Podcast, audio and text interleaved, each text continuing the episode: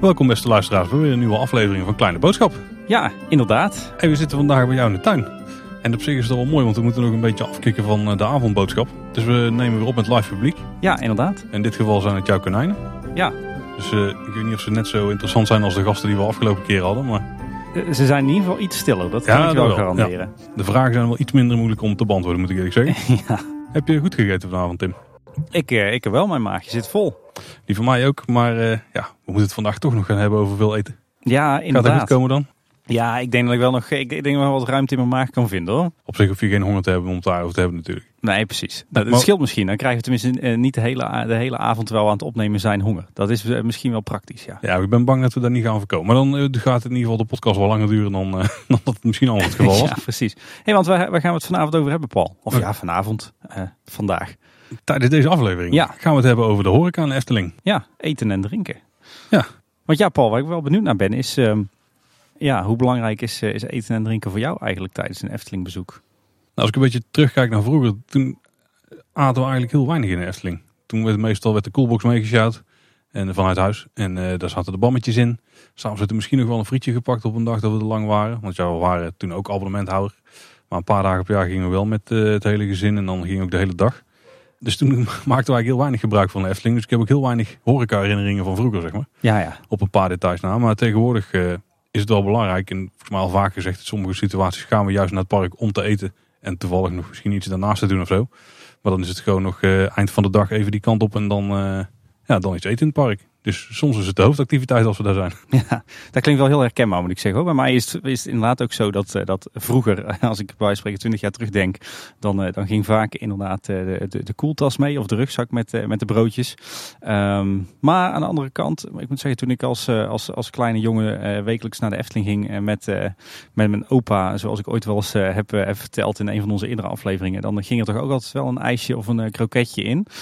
ja, en tegenwoordig is het eigenlijk net als bij jou. ik denk dat, dat horeca en de Efteling best wel een belangrijke uh, rol inneemt uh, tijdens, tijdens onze bezoekjes. Of ik nu met, met vrienden ga of, of met het gezin. Ik durf zelfs misschien wel te zeggen dat, dat horeca misschien nog wel een belangrijkere rol heeft. Of misschien nog wel dat ik daar nog wel meer tijd in besteed dan bij wijze van spreken aan attracties. Ja, en hoe komt dat nou? Je, hebt een abonnement, dus, dus je, je zit uh, nou één keer per week, misschien wel twee keer per week gemiddeld in de Efteling tegenwoordig. Um, de attracties heb je allemaal misschien wel, uh, wel een beetje gezien af en toe. Uh, er staan lange rijen. Ja, wat ga je dan doen? Uh, je gaat wat eten, je gaat wat drinken. je pakt het terrasje, je gaat wat, wat zitten bijkletsen met vrienden en bekenden. En ja, zo komt het dan toch denk ik dat ik tegenwoordig misschien wel meer tijd doorbreng in Efteling horeca dan in Efteling attracties. Dus ja, ook bij mij speelt horeca tegenwoordig bij een bezoek aan de Efteling wel een hele belangrijke rol, moet ik zeggen. Ja. Ja, dat was een beetje onze historie met horeca. Nou, heel, heel beknopt, maar we komen ja. daar gaan we er vast nog wel dieper op in. Maar een beetje geschiedenis van de horeca en het park misschien wel interessant. Ja, uh, het... jij had het uitgezocht, Paul, begreep ik. Dus, uh, dus verras ons. Ik heb huiswerk gedaan. Ja. ja. voordat het de Efteling de Efteling was zoals wij hem kennen. Dus voordat er nog een sprookjesbos was, toen was het sportpark. Ja, klopt. En uh, toen was er ook al wat horeca. Dat was op de plek waar nu de, het Witte Paard staat. Mm -hmm. dat was toen het paviljoen. de historie van het paviljoen is niet helemaal rooskleurig. Het was in ieder geval in 1938 al open. En dan weet je een beetje welke jaren eraan gaan komen. En de, de Tweede Wereldoorlog natuurlijk. Ja, ja, nee. Ja, wordt duidelijkheid. En in 1944 is het uh, gebombardeerd, het paviljoen. En uh, daarnaast eigenlijk nooit meer opgebouwd. Er is wel later een legertent uh, op diezelfde plek geplaatst. en die is vervangen door het theehuis. Ja, open in 1951. Ja, was... Eigenlijk de voorloper van het Witte Paard, hè? Ja, precies. En uh, laatst in een Maakse klok kwam een mooi feitje daarbij naar boven. Dat het eerste jaar de omzet van het theehuis 11.000 gulden was. Ja, zouden onze luisteraars nog weten wat het is? Ja, het is ongeveer 5000 euro. Ja, ik denk het wel. Zoiets. Keren 2,20371, hè? Ja, dat ben ik al lang vergeten. Ja. Ik zit gewoon helemaal in de euro's tegenwoordig. Ja. Maar dat was het eerste seizoen de omzet dus van uh, eigenlijk heel de horeca van de Efteling. En overigens 1951, als je een beetje rekent, was het Sprookjesbos nog niet open. Nee, dus nee, het is zelfs nog van voor het Sprookjesbos. Toen was er alleen een, een speeltuin, hè? wat sportvoorzieningen. Dat was het wel zo'n beetje. Ja, precies. Um, als je dat vergelijkt met de horeca nu. De horeca nu van een jaar Efteling is 53 miljoen. Dat was de horeca van het afgelopen jaar. Euro. Euro, hè? Dus ja. dat moet ook nog eens minimaal verdubbelen. Ja, dus dat is een factor uh, 10.000 meer als toen. uh, ja, minstens ja. Dus het gaat nu een stuk beter met de horeca. Er is ook steeds meer bijgekomen. Het theehuis is inderdaad uh, is een paar keer verbouwd. En uiteindelijk is dat het de Witte Paard geworden. Ja, klopt. Uh, het was vroeger een tent met wat geeltjes er tegenaan. Het Witte Paard dus, uh, was een, echt een permanente voorziening. En in 1953 is het café-restaurant geopend. Uh, dat, dat zit er ook nog steeds. Ja, inderdaad. En dat waren eigenlijk de twee eerste grote horecagelegenheden. En ja, daarna is natuurlijk heel veel bijgebouwd. Heel veel kleine horecapuntjes ook. grote horecapunten. Tegenwoordig ook gewoon echt complete restaurants weer erbij. Ja, Lang. inderdaad. Ja. Dus veel gebeurt in de horeca van Efteling. Daar gaan we overigens niet allemaal diep op induiken. Nee, laten we maar niet, uh, niet een opsomming maken van, uh, van de openingsjaren van alle, alle horecapunten. Maar uh, ja. En het is interessant om even op YouTube te speuren naar de Magische Klok die gaat over het Witte Paard en het café-restaurant. Dan krijg je ook een paar van die dingen mee. Best wel interessant. Ja, inderdaad heel veel, heel veel informatie over met name die beginjaren. Dus de jaren 50. En ik denk als je kijkt binnen de Efteling, dan heb je verschillende typen horeca. Dus je hebt uiteraard de grote bedieningsrestaurants. Ja. Of tenminste, ja, de bedieningsrestaurants is één type horeca. Dus je gaat zitten en iemand komt naar je toe en die neemt je bestelling op. En je kan lekker ontspannen blijven zitten en je wordt bediend. Uh, dan heb je ook de, de horeca waarbij je ja, langs balies loopt en uh, ja, dus de self-service uh, horeca. Ja, inderdaad. Dan kun je dus langs een balie lopen, dan kun je verschillende dingen uitzoeken. Die neem je mee naar een cashier en dan ga je afrekenen. En dan kun je daarna gaan zitten en ontspannen. En je hebt de, de hoe noem het, de, af, de, de balie. Ja, de, de verkooppuntjes denk ik dat we, dat we ze zo kunnen noemen. Ja, maar dus er zit ook nog een categorie tussen, denk ik. De, ja, de, de, de, de, de, de frieten en snack ja, uh, toko's. Ja, en ook wel wat uh, van de gelegenheden de Oost. Of uh, kaas en karakol bijvoorbeeld. Iets minder, daar zit zeg maar zitgelegenheid bij. Dat maakt het denk ik anders. Ja, ja lastig inderdaad om, om ja, verschillende horeca te klassificeren. Maar goed, daar komen we later, later deze uitzending, deze aflevering nog wel op. Ja, dus je hebt inderdaad de, de wel uitgebreidere afhaalpunten. Dan heb je de, de simpelere afhaalpunten, vaak ook heel klein. En dan heb je nog de mobiele punten. Ja, inderdaad. Die ze vooral in de zomer veel inzetten. Ja. Maar ook in de winter hebben ze natuurlijk al een paar Unox-karren extra links en rechts. Ja, inderdaad. Je moet dan inderdaad echt denken aan, aan de, de, de, de bijspreken, de blokhutten die nu tijdelijk in de zomer worden neergezet. Uh, soms volledig gethematiseerd. Uh, maar, maar, inderdaad ook de, de, de Unox-kramen en de eigen, eigen heimerkarren. Of, uh, of gewoon de ijskookkarretjes hè, en, de, en de drankkarren. Die zijn pas echt helemaal mobiel. Ja, of de saté-karretjes die je hebt tegenwoordig. Ja, ja vers fruit. Ja, er zijn allerlei eh, soorten en maten zijn die terug te vinden in de Efteling. Nee, dus eh, heel divers. Dus ook heel verschillend of dat je heel snel iets wil hebben of dat je echt de tijd ervoor neemt om te gaan eten. Ja, ja inderdaad. Dus heel veel aanbod. Wel interessant trouwens dat de Efteling zich best wel richt op typisch Hollandse dingen en Brabantse dingen. Tenminste, die hebben ze ook in het assortiment. En daar, zeker als ik blogs of vlogs kijk van buitenlandse gasten, dan, dan, valt, dan valt er hun heel erg op. Zeg maar. Voor ons is het heel normaal dat je een oliebol kunt halen of een... Uh, of poffertjes of een pannenkoek. Maar dat is toch wel echt een eh, belevenis voor heel veel buitenlandse gasten. Dus denk daarbij dus aan dingen als oliebollen, poffertjes en onze pannenkoeken. Ja. Eh, maar ook stroopwafels, uh, bitterkoekjes. Is eigenlijk in de vorm van hartekoek. Ja. Um, worstenbroodjes natuurlijk. Ja, typisch Brabants inderdaad. Ja. Snacks uit de muur. Ja, ook typisch Hollands. Typisch Hollands ja. rookworst natuurlijk. En in de plekken waar je snoep kunt kopen, heb je drop. Vaak stroopsoldaatjes of andere oud-Hollands snoepgoed. Dus toch een beetje de, het romantische, hè? de nostalgische snoep. Dat ja, was natuurlijk ook heel bij de sfeer van Anton Pieck. Ja, ja ik, ik, moet zeggen, ik had, ik had hier eigenlijk nog nooit bij stilgestaan. Maar inderdaad, als je dan eens gaat nadenken, dan, dan wordt er in de Efteling behoorlijk wat typisch Hollands en Brabants eten verkocht. Ja. Nou ja, en die Hollandse gebakken aan bij de entree is ook meteen het eerste waar heel veel mensen tegenaan lopen. Ja. Dus nu heb je natuurlijk de Vrolijke Noot 3.0. Ja. Maar die Hollandse gebakken dat is vaak wat veel mensen zien. En dan denken ze, oh, pak het ook even snel. Want het is ongelooflijk hoe vaak ik uh, dus artikelen van buitenlandse bezoekers zie die dan als eerste met een oliebol naar binnen lopen. Ja. Laatst zag ik die iemand omschrijven als een, wat was het? De, de opening van de donut of zo. Ja. nou, Daar zit wel wat in, ja. Ja, daar ben ik het helemaal mee eens. Maar nou, het grappige is toevallig een uh, mijn vriend uh, Brits gezinnetje is, uh, is een aantal weken geleden ook met mij even de Efteling geweest. Die, die verbleven drie, da drie dagen op het Loonse Land. En inderdaad, voor hen was het ook een hele belevenis om tussen de middag bijvoorbeeld pancakes te eten bij uh, Polles Keuken. Of uh, poffertjes, wat ze dan uh, niet wisten te vertalen in het Engels. Maar dat was voor hun ook een hele belevenis. En dat was minstens zo belangrijk inderdaad als de verschillende attracties in het park. Ik denk dat wij daardoor ook misschien de horeca wel een beetje onderschatten. Omdat voor ons dingen best normaal zijn. En zeker voor Brabanders. Hè, want we hebben de worstenbroodje nog links en rechts. Wat, want we hebben wat reacties gekregen van luisteraars. Dat die er ook best wel een wel aantrekkingskracht hebben. Ja, precies. Als je die niet iedere week naar binnen schuift zoals wij hier natuurlijk doen. ja, nou ja, mij, iedere week, maar. Nou, mij doet een worstenbroodje inderdaad niet heel veel meer, nee, moet ik zeggen. Maar, maar ja, het scheelt misschien ook bij een gemeentewerk, hè. Dus, uh. daar, gaan ze, daar gaan ze als warme broodje naar binnen. Als warme worstenbroodje zo dan, ja. Uh, de horeca in Efteling heeft die best wel lang een slechte naam gehad.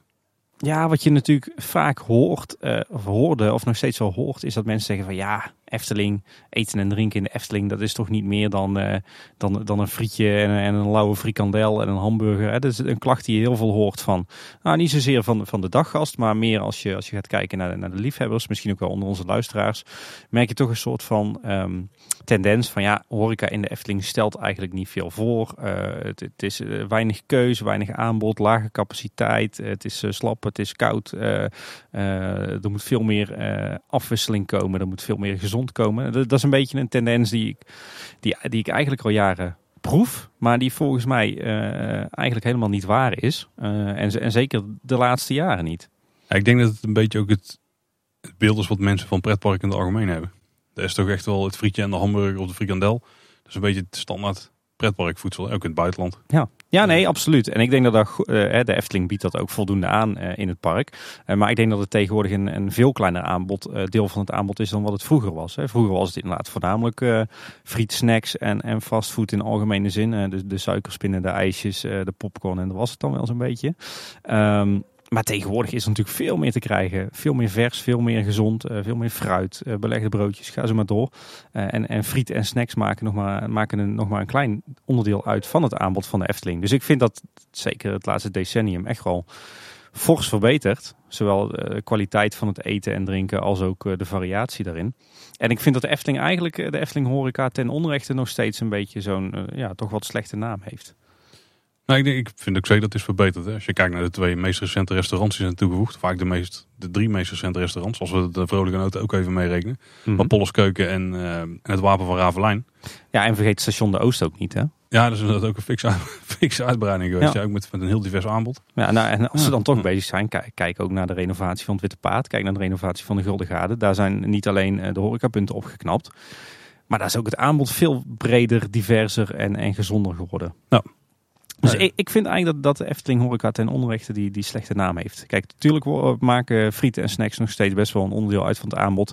Maar ik denk dat die vraag er ook wel is. Hè? Want jij al zelf al zegt, eh, best wel veel mensen associëren een dagje, dagje pretpark met, eh, met friet en een kroketje. Dus eh, terecht denk ik dat de Efteling dat faciliteert op best wel een aantal plaatsen. Maar ja, het aanbod is vele malen breder geworden natuurlijk.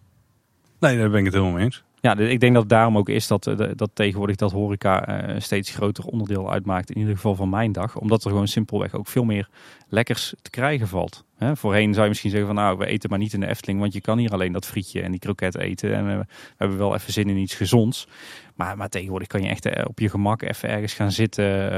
in, in, een mooi bediend restaurant. goed geholpen worden uh, afwisselend eten. En, en ook niet het gevoel hebben dat je, dat je na iedere Eftelingnacht met een vette bek naar huis gaat, zeg maar. Nou, en daar haal je meteen een punt aan, want ik denk dat dat ook wel een groot verschil maakt. Dat tegenwoordig steeds meer mensen verblijfsgasten zijn. Die dus op meer dagen in het park zijn. Ja, absoluut. Kijk, als je vroeger gewoon die ene dag in het jaar naar de Efteling ging met je gezin. Dan had je al beperkte tijd. Dus dan was waarschijnlijk die vette bek halen de snelste, simpelste en goedkoopste optie. Ja. En eerlijk gezegd had je toen ook niet heel veel meer keuze. Behalve ja, wat was het toen allemaal? Café-restaurant, zeg maar. Ja, ja, ja en in Witte Paard was het inderdaad ook niet veel meer dan, dan, dan friet met, met, met een halve haan of uh, friet met een schnitzel. Nou, ik zat het te vergelijken met bijvoorbeeld het Disney Park of Universal, waar ze dus wel gewoon ook wel restaurants hebben die nog een tandje hoger zitten dan de Efteling. Of misschien nog wel een paar tandjes hoger.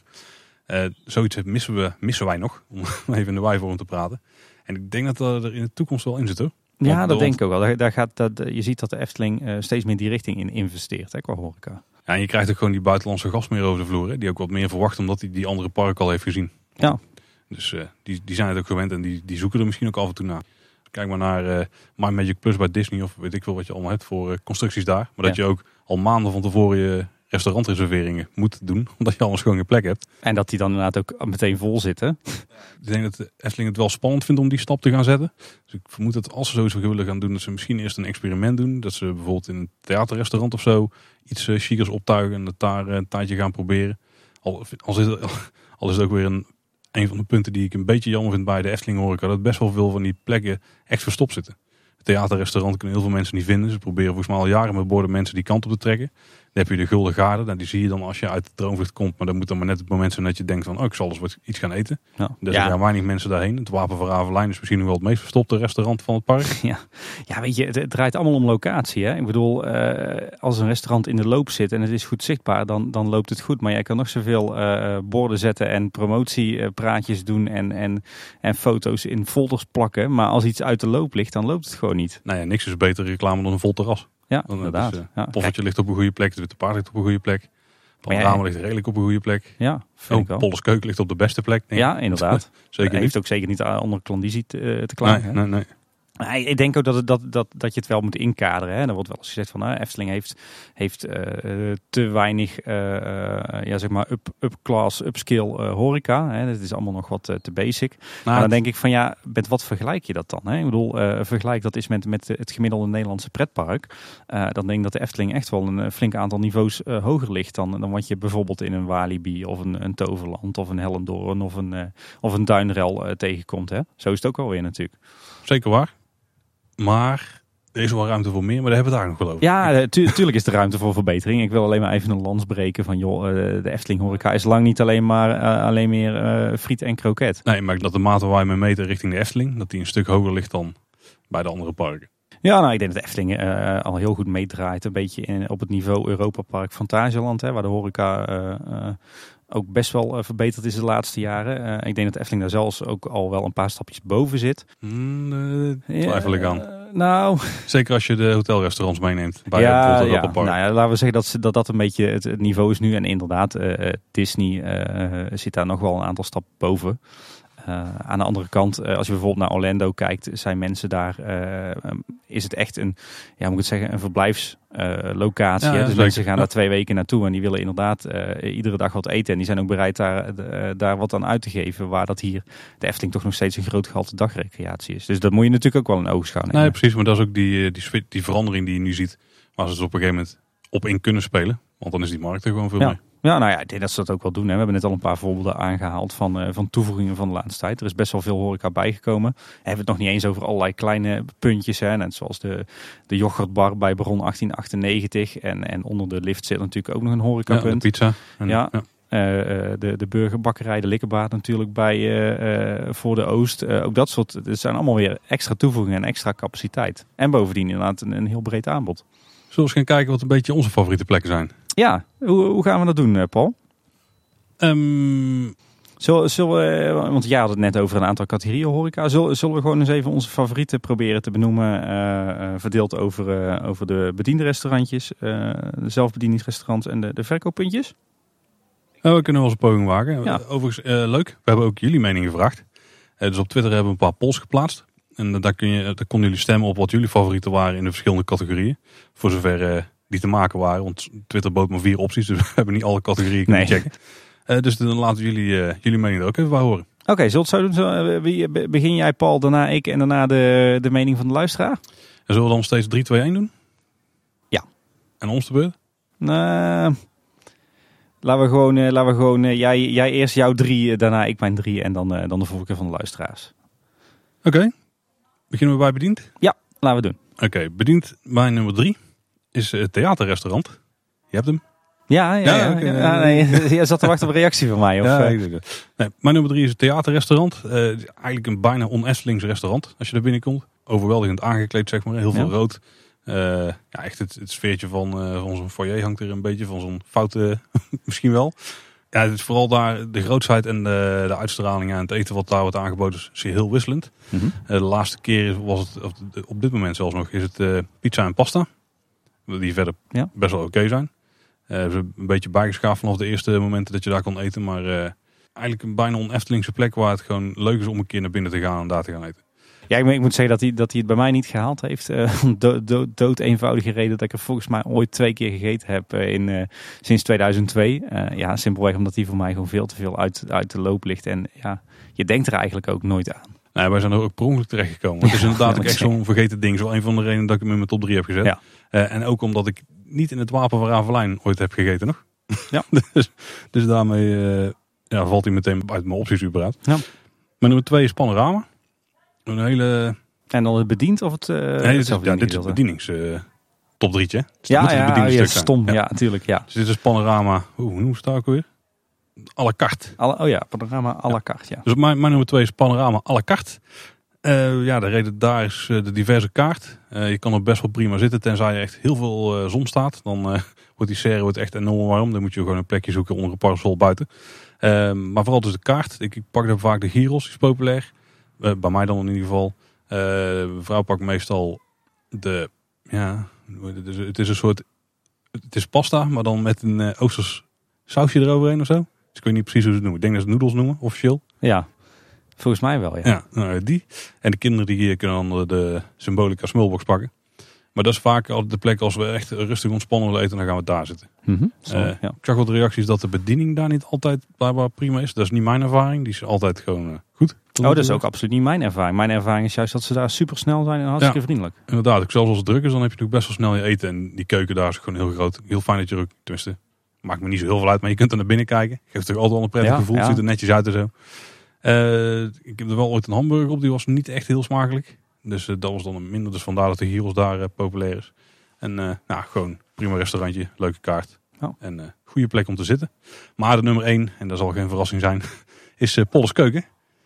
En volgens mij hadden de heren van Team Talk het erover dat dit misschien wel het beste pretparkrestaurant in Nederland is. Of in de Benelux. En ik, daar, zijn- daar kan ik het alleen maar helemaal mee eens zijn. Daar eh, de, de sfeer die er hangt. En de, de thematisering die ze daar hebben aangebracht. En gewoon, als je rond gaat, rond gaat kijken, het is heel overweldigend ook. Hè. Overal staan allemaal details misschien eh, meer dan dat nodig is. Maar het zit je nergens echt in de weg. Je hebt af en toe het showtje met, die, eh, ja, met, die, met, die, met het fornuis. De kookstoof. Wat ja, de wat- magische kookstoof of zo, heet dat ding geloof ik. Ja, dat zou kunnen. Ja, die op hol slaat. Wat de kinderen dan altijd super interessant vinden.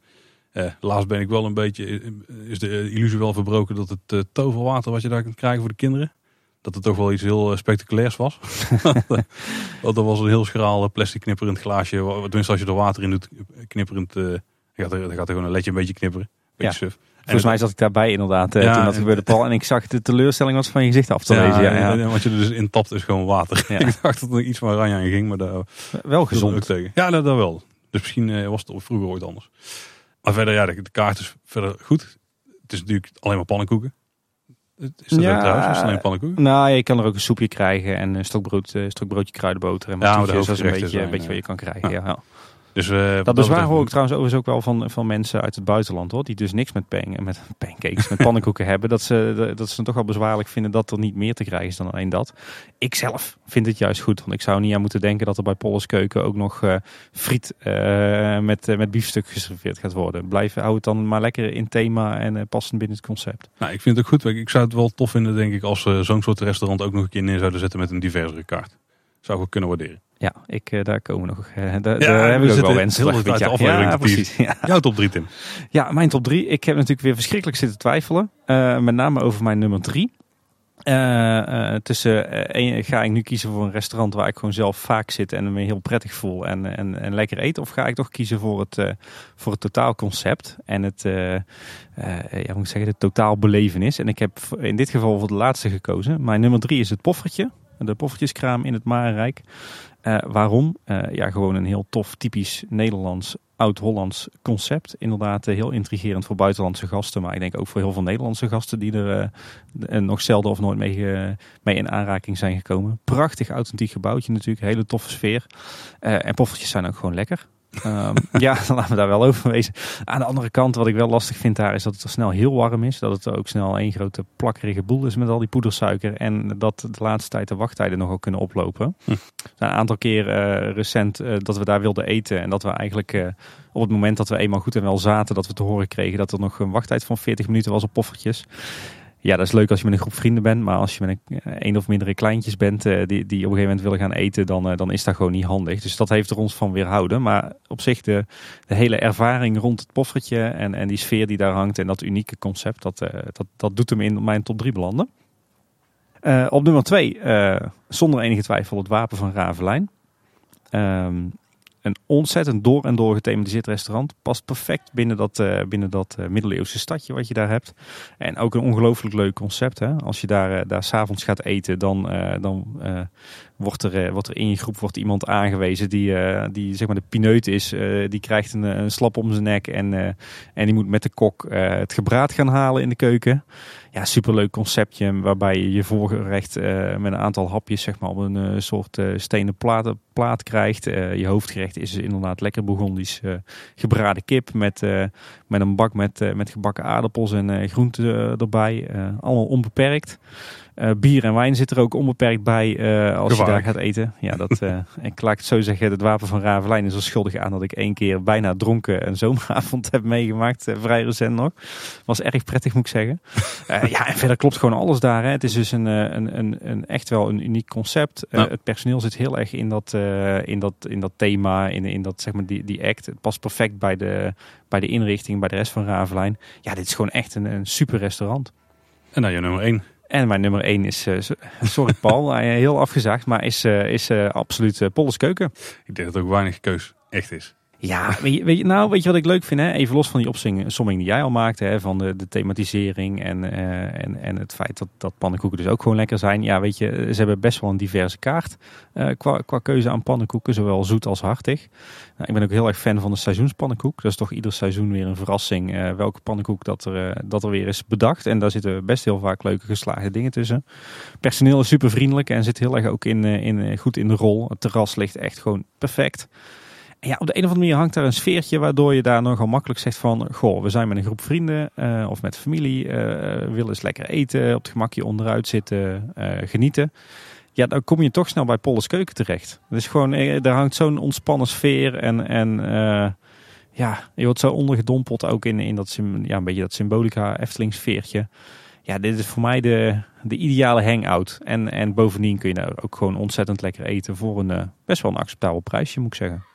Ja, dat had ik inderdaad niet eens meegenomen. Maar dat is inderdaad een mooi het geval. Ja. Ik denk dat, uh, dat, dat ze, als ze bij de Efteling de, de statistieken bekijken van uh, wat ik met mijn abonnement al heb afgerekend, dat ik uh, een ereplaatje verdien bij, bij Polles Keuken. Ja. En als we dan kijken naar jullie mening hier, ja, dan wijkt die qua nummer 1 heel erg af. Op deze vraag was 170 keer gereageerd. Dus best wel flink. En Polles Keuken stond met 60% gewoon stevig op 1. Zo ja. Dat was niet over te discussiëren. En het wapen voor Ravelijn was 2 komt je nog bekend voor, Tim, met ja, 25 procent. Ja. En dan op uh, nummer 3 panorama à la carte. En op nummer 4 het poffertje. Dus dat waren ook de vier keuzes die je had. Um, panorama à la carte daar 10 procent en het poffertje 5. Ja, ik denk dat het ook wel duidelijk maakte. Polskeuken is heel populair. Ja, precies, absoluut. Ja. Dan uh, de zelfbedieningsrestaurants. Uh, heb ik misschien enigszins vals gespeeld. Is dat zo? Denk ik. Kun jij mijn top 3 goed of niet? Ik, uh, ik zou niet uh, inzien waarom ik uh, jou... Mijn nummer 1? Ja, nee, die mag wel. Dat vind ik wel, okay, ja. ja oké. Ik heb op nummer 3 de Octopus staan. Dus dat is het restaurant in de, ja, in de Panda Oh, Panda Droom bedoel ja. Of die daar bij de uitgang zit. Waar je vanaf, het, vanaf de Pardoespromenade in kunt lopen. de reden dat die erin staat is omdat ze daar een aantal unieke dingen hebben die je in de rest van het park gewoon niet kunt krijgen. Zoals pasta, eigenlijk gewoon de hele dag. Nou, dat, dat, was het eigenlijk wel. Zo, ja, een unieke sfeer, Paul. Ja nou, dus, ja, nou, ik vind op zich als je daar wel eten haalt en, je, en het lukt je om daar een beetje bij dierenrijk te eten, dan is het ook best wel prima. Daar, heb je in de rest van het park ook niet op die manier. Dat is best wel ver rijden naar dierenrijk, hè, vanuit daar. Zo heet, zo heet het toch daar in die hal? ik weet niet, bij dierenrijk denk ik aan een dierentuin in Nuenen, maar... Nee, die bedoel ik niet. Oh, nee, ik bedoel, ja, gewoon daar uh, bij die lichtgevende bal ah, ja. aarde. Denk ik dat het moet voorstellen of zo, iets. We zijn erg pandendroomkenners. Ja, we zijn echt de kennissen. Ook wel een beetje een vergeten puntje, denk ik. Of puntje, een vergeten restaurantje. Je kan altijd er niet meer boven zitten. Voor de werk weet ik heb het echt nooit meer open gezien. Vanwege veiligheid denk ik dicht. Ik denk omdat men dat liever niet helemaal schoonmaakt als het niet nodig is. Ja, dat kan ook. Maar er is niet heel veel zitplek. Een zelfbedieningsrestaurant, dus je hebt heel veel keuze. Broodjes, paninis heb je daar. Maken zich vaak vers als je erom vraagt. Uh, soepen, uh, pasta's dus. En ook heel veel gebakjes en dergelijke voor overdag. Ligt ook heel veel fruit tegenwoordig in het midden. Ze ook heel goed. Maar doen ze eigenlijk overal. Ja. En dan uh, ja, je dienblad volladen en eten. Ja. Nou, dit is vooral daar de afwisseling die dus uh, ten opzichte van andere punten die, die dat restaurant interessant maken voor, uh, voor ons. Ik, uh, ik snap hem wel, moet ik zeggen. Ik vind ook dat, je de, dat de pasta best wel van hoge kwaliteit is daar. En dat je er dus ook best wel goed kunt eten. Maar bij mij heeft hij hem zeker niet gehaald, de top 3. Omdat ja, die, het, is, het is daar zo donker binnen. En, en, en Ja, dan hangt daar zo'n niet Eftelingse sfeer en een Nee, beetje een ongezellige sfeer. Dat, dat, daar, nee, daar, puur uit praktische overwegingen zou ik nog wel kunnen, kunnen bedenken om daar te eten. Maar qua sfeer eh, is dat voor mij echt een no-go. Het is hier dus vooral keus. Ja. Dat is de reden dat we daar vaker belanden dan eh, op de punten die zijn afgevallen. Maar eh, nummer twee is de steenbok. Dat is ook mijn favoriete snackpunt daarmee meteen. Dat was ook een losse vraag die we hadden gesteld. Paul, ik, Ja? dit raakt me in, diep in het hart. Maar Nee, niet iedereen was het met me eens. maar daar komen we dadelijk nog wel op. de steenbokken. Nee, ik ga niet van jouw oude, oude bakplaats, Tim.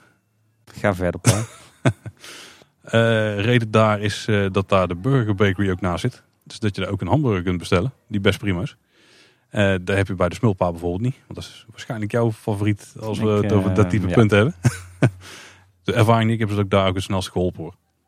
Ten opzichte van de Smulpaap en ook zeker de hongerige machinist. Want dat is wel veruit het traagste puntje wat ik heb meegemaakt tot nu toe.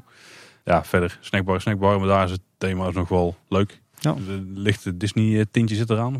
Maar en, eh, ja, een beetje de knullige ja, Alpensfeertje hangt daar. Hè? Ja. Nou, ik moet zeggen, de dit is best wel leuk gedaan. Wat dat betreft zou het echt zonde zijn als, Bob weg, dat als de Bob eventueel zou weggaan, eh, dat dit restaurant, of althans dat het thema dan zou verdwijnen. Want het is eigenlijk best wel leuk doorgevoerd daar na die laatste verbouwing.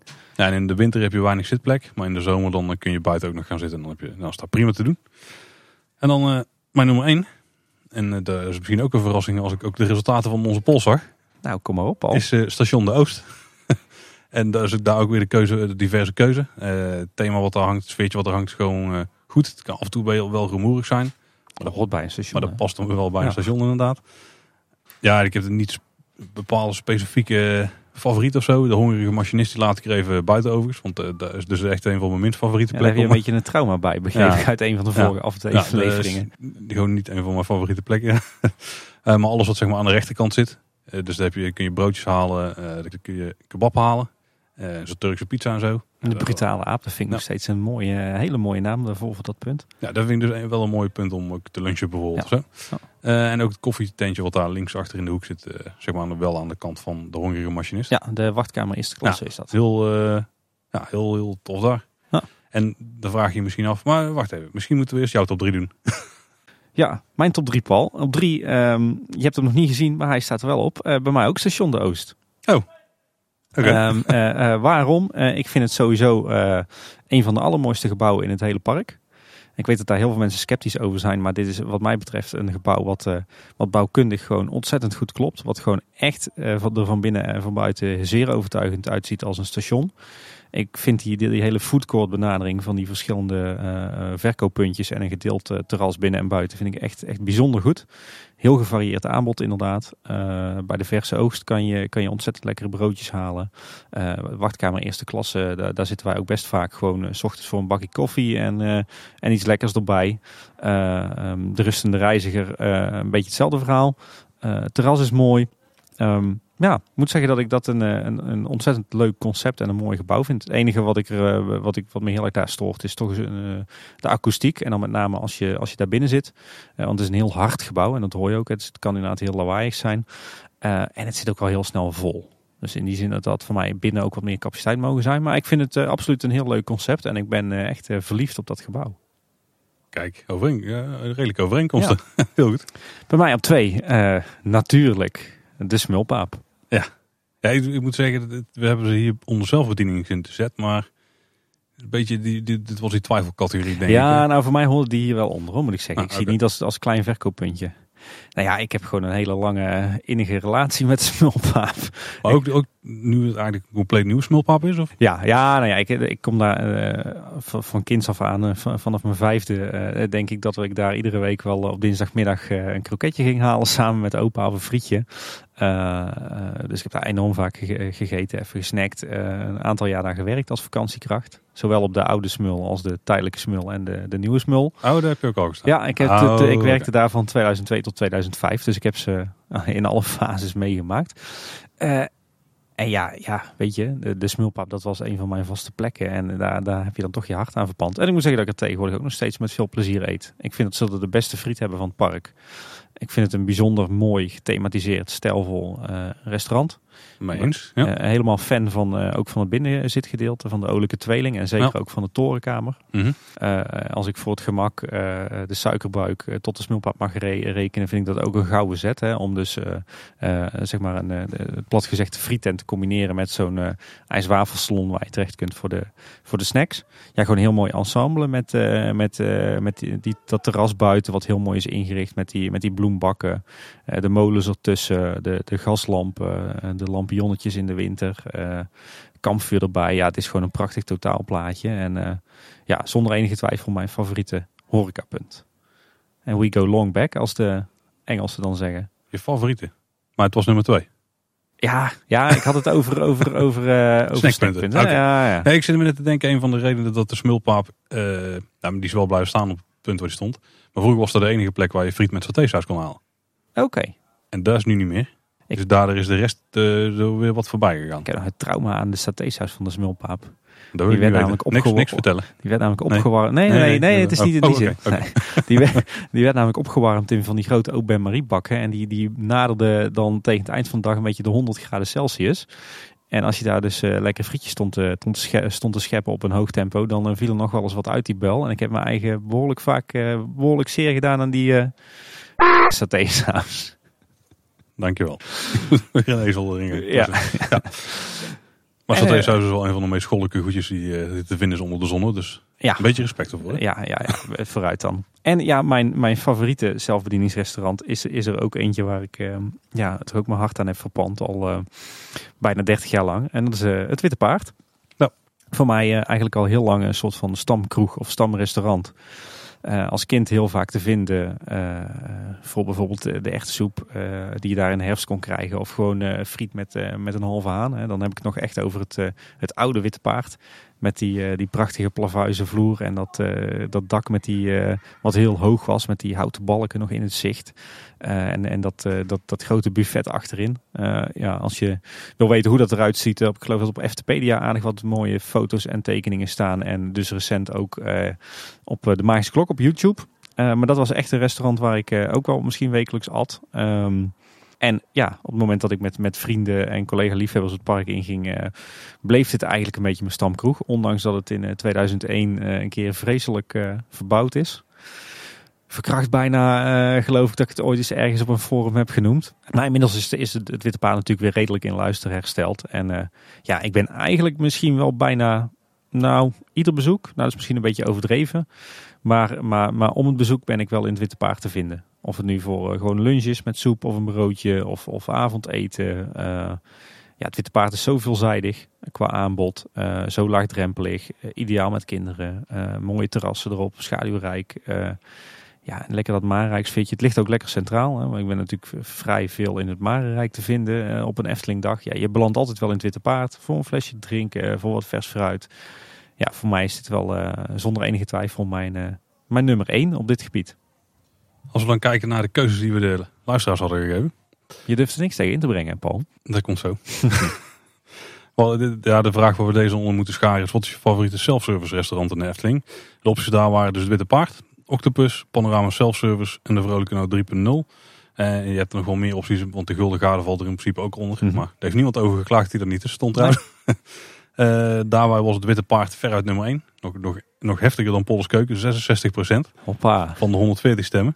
De Octopus met 12% op tweede. Vond ik best opvallend eigenlijk. Uh, Panorama Self-Service met 11% en de Vrolijke Noot ook met 11% op een gedeelde derde plaats. Dus op zich... Uh, een monsterzegen voor het Witte Paard hier. Ja, ik heb dus echt helemaal niks met het Witte Paard. Vertel, waarom? Ja, ik heb daar ook helemaal geen historie mee of zo. Want wat ik al zei, wij gingen altijd naar het park en dan gingen we dus nou, dan was het hooguit een frietje, zeg maar. Dus uh, in het Witte Paard, daar kwamen wij gewoon nooit. Dus ik heb helemaal geen nostalgische gevoelens bij of zo. En die andere keren dat wij het in de winter hebben getroffen, want ik denk dat om een of andere reden dat dan vooral de plek waar we dan neerstrijken of zo. En dan hebben we altijd op zo'n tochtige plek gezeten of zo. En dan ga ik daar een satéetje halen en die komt dan gewoon uit zo'n bak water, net als bij de Ikea. En dan, ja, ik weet niet, ik heb, echt, uh, ik heb het altijd slecht getroffen, denk ik, of zo. Dus ik heb nooit die band ermee opgebouwd die jij bijvoorbeeld wel hebt. Waardoor ik bepaalde dingen door de vingers kan zien. nou, dat, oh, dat leuk dat je het zegt. Daar heb ik nog wel een, een anekdote bij. Ik, uh, ik heb ooit één keer in mijn leven echt verschrikkelijke voedselvergiftiging gehad. Bij het Witte Paard. En dat is dankzij het Witte Paard, ja. Dat was op uh, volgens mij drie jaar geleden. Dus dat is nog vrij recent. Op de laatste zomeravond. Toch wel, denk ik, als liefhebber een van de mooiste dagen in het jaar. Dan, uh, dan gaan wij er altijd met, uh, met zo'n beetje alle vrienden die enigszins Efteling gerelateerd zijn wel naar het park. En toen had ik een steetje wat, wat rauw was. Niet goed opgelet, doorgegeten.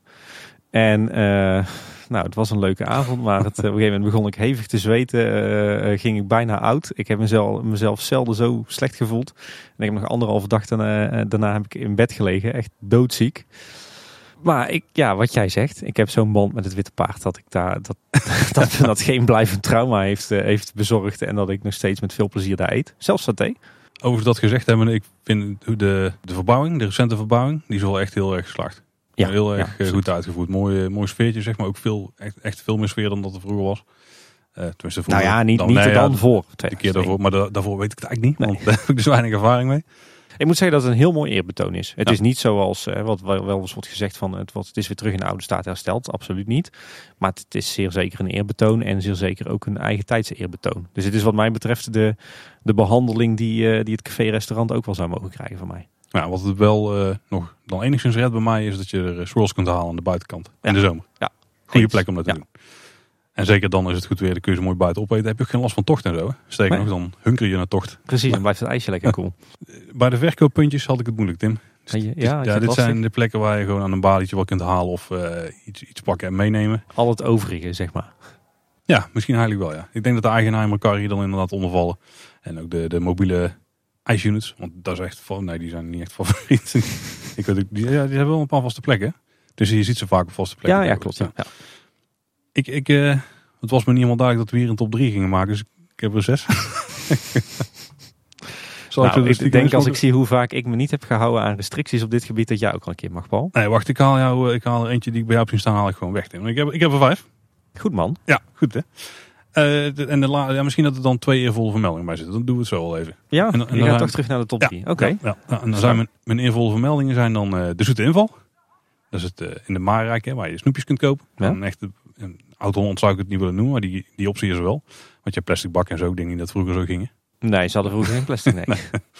Dus ja, dat is gewoon echt de klassieke snoeppunt. Hè? Dus je pakt een zakje, je schept je snoep erin, neemt het mee en je, ja, je kunt twee dagen later naar de tandarts met kiespijn.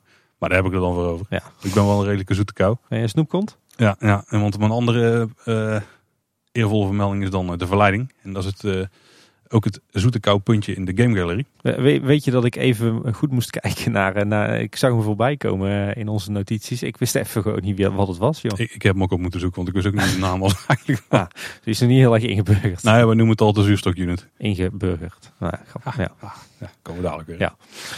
Nee, dan kun je de zuurstokken halen en uh, uh, jellybeans. Ja.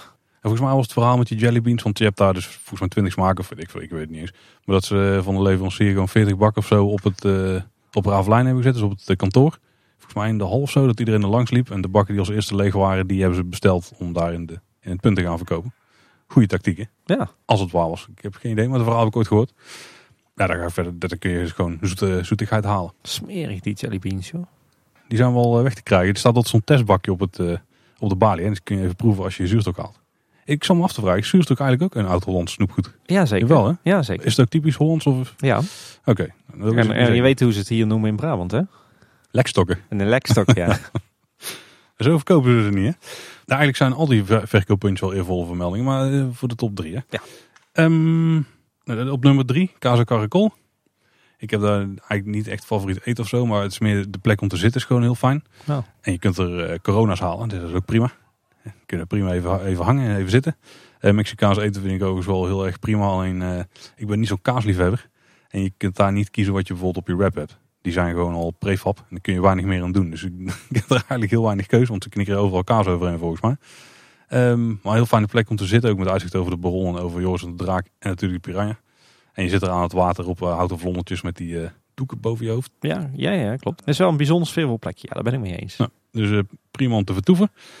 Dan, ik, ik, heb, ik had het niet echt gerangschikt. Ik had me niet zo heel goed voorbereid, denk ik. Maar nou, dan gaan we voor nummer twee gaan we het gebraad. Dat is wat vroeger grootmoeders keuken was. Volgens mij twee of drie jaar geleden verbouwd. Ja, daarvoor het hommeltje. Ja, ja. dus eigenlijk naast het Witte Paard. Zit in hetzelfde pand. En daar kun je Ja, wat kun je er halen? Vlees, hè? Vlees op brood. Ja, eh, worst en eh, gehaktbal, even plat gezegd. geloof Ja, ik. en daar is het broodje gehaktbal met satésaus. Is natuurlijk favoriet. Ja. Wel ook, eh, volgens mij, maar de komende dagen op, hè? Ja. ja, ja. Lastig om te eten. Laat daar even op houden. Weet je dat daar lange tijd eh, dus inderdaad suikerspinnen en popcorn werd verkocht op die plek? Toen het nog het rommeltje e- heette. Dus wel apart in de glazen kat. Nee, nee, nee. Bij, Nee, het, maar wat eh, was daar toen? bij de glazen kat. Ja. Bij de glazen kat op de hoek was het toen vooral eh, lange tijd eh, verpakt ijs, flesjes frisdrank eh en Ja, wel candybars. Tot twee jaar geleden nog was Ja, dus een beetje het, het, het ongezonde aanbod, het snelle aanbod. En het rommeltje was dan eh, van de ehm suikerspinnen en popcorn. En later is dat inderdaad overgegaan naar de, naar de glazen kat. En toen weer naar de, eh, het suikerhuis. En toen Hm. terug naar de glazen kat. En toen weer terug naar het suikerhuis. Maar oorspronkelijk eh, komt alle popcorn en de suikerspin in het maanrijk van het rommeltje. Mooie geschiedenisles weer. Ja. En dan eh, nummer 1. Toko Pagode. Dat is jouw favoriete toko. Nou ja, ja.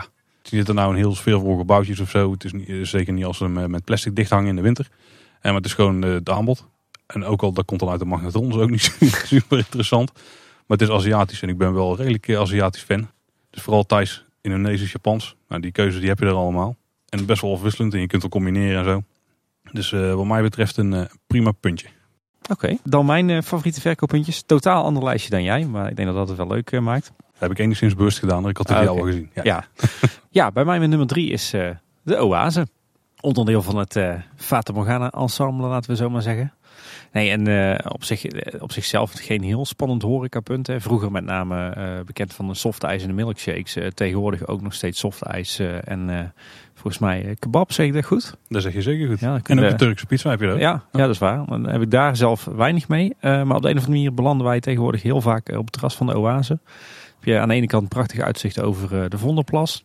eh, op, het, op het Huis van de Vijf Zintuigen. En aan de andere kant eh, kan je heerlijk mensen kijken op het Vatamorganaplein. Echt een heel tof Oosters sfeertje. Ik denk dat het, zeker dat gebiedje van de Vata is voor mij echt een, een apart themadeel. Wat echt heel erg immersive is. Om maar weer een, een, een modeterm termen misschien. te pakken. ja, inderdaad.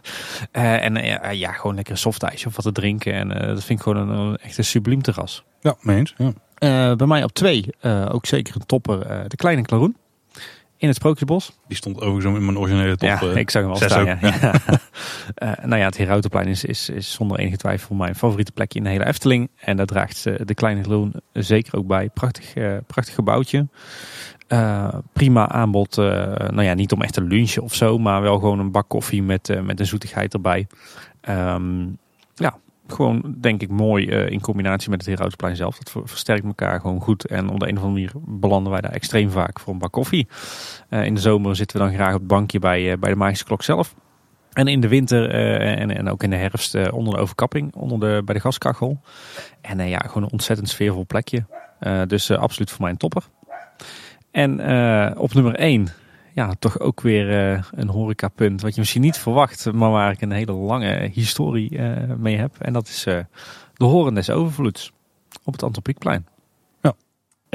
Je zit met twijfel, vertwijfeld aan te Nee, kijken. Ik Ja, ik kan me, ik kan me iets bij voorstellen. Nou, ik vind het een van de oudste gebouwtjes van de Efteling. Een van de oudste originele gebouwtjes die er nog zijn. Een heel mooi gebouwtje ook, vind ik. Zowel van binnen als van buiten. Eh, past echt perfect eh, binnen dat, eh, op dat plein. Met, met al die kleine gebouwtjes en, en draaimolentjes. En dan daar echt zo'n winkeltje waar je, waar je wat te drinken kunt halen. En een ijsje en, en een koek of iets, of iets lekkers. Eh, ik heb daar in totaal drie jaar gewerkt. eh, ook in die tijd dat ik ook op, eh, op het Lavelaar werkte en op Smulpaap. Heel vaak in Den Horen beland. Heel veel dagen daar meegemaakt. Zomerse dagen dat het gewoon keihard ploeteren was. En, en je een lamme arm kreeg van het softijsje draaien. Maar ook heel veel herfst- en winterdagen dat je daar bij wijze van spreken tien klanten op een dag had. Dus daar heel veel tijd, tijd versleten. En ja, dat voelde toch echt een beetje als mijn winkeltje. Dus ja, ik heb mijn hart wel verpand aan de horen des overvloeds. En vandaar eh, moet die, eh, moet die op één bij mij. Altijd een gevoelskwestie bij, bij Timmer. Vaak wel, ja. ja. En dat voor een techneut. Is toch eigenlijk vrij verrassend. Maar het gaat om de Efteling in dit geval. Ja, dat is waar. We doen weer wat statistieken. Maar ik besef me dat we ze helemaal niet hebben gevraagd zoals wij ze ook hebben benaderd, zeg maar. nee, We hadden nog, een, eh, we hadden nog de vraag gesteld, wat is je favoriete snacklocatie in de Efteling? En daar zijn de snacklocatie. snacklocatie. Ja, en daar bedoelen we dus vooral mee de Smulpaap, de Steenbok of de Hongerige Machinist. Hebben we het net al enigszins zelf over gehad, hè, wat wij daarvan ja, vinden. Ja. Ehm, De luisteraars die stemmen met 48% op de Smulpaap als de meest favoriete snacklocatie. En de Steenbok op nummer 2 met 39%. Scheelt minder. Ja. 140 stemmen in totaal uitgebracht hier. Hongerige machinist is wel uh, duidelijk de laatste. Zal ik eens uh, iets opbiechten, Paul? Daar ga je nu doen, denk ik. Weet je dat ik nog nooit iets bij de hongerige machinist heb gegeten? Nog nooit. Ook niet uit de muur daar? Nee, ook niet uit de muur. Ja, het is niet echt een bekentenis wat van achterover slaven. maar... nee, ja. Ik besef dat ineens zelf. Maar uh, volgens mij zit, uh, zit, ik dan toch aardig mainstream als ik zo de uitslag van de poll tot nu toe uh, hoor. Ja. Mainstream qua Efteling liefhebbers Maar dat gaat veranderen. Oh.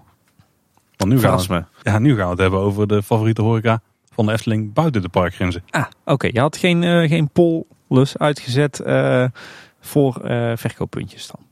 Nee, dat was een beetje lastig, want die zijn er misschien wel een stuk of twintig. Ja, als niet 30 zijn of 40. Ja. dus dat is een beetje moeilijk om, uh, om die in de poll Twitter kwijt te kunnen. Dus nee. Oké.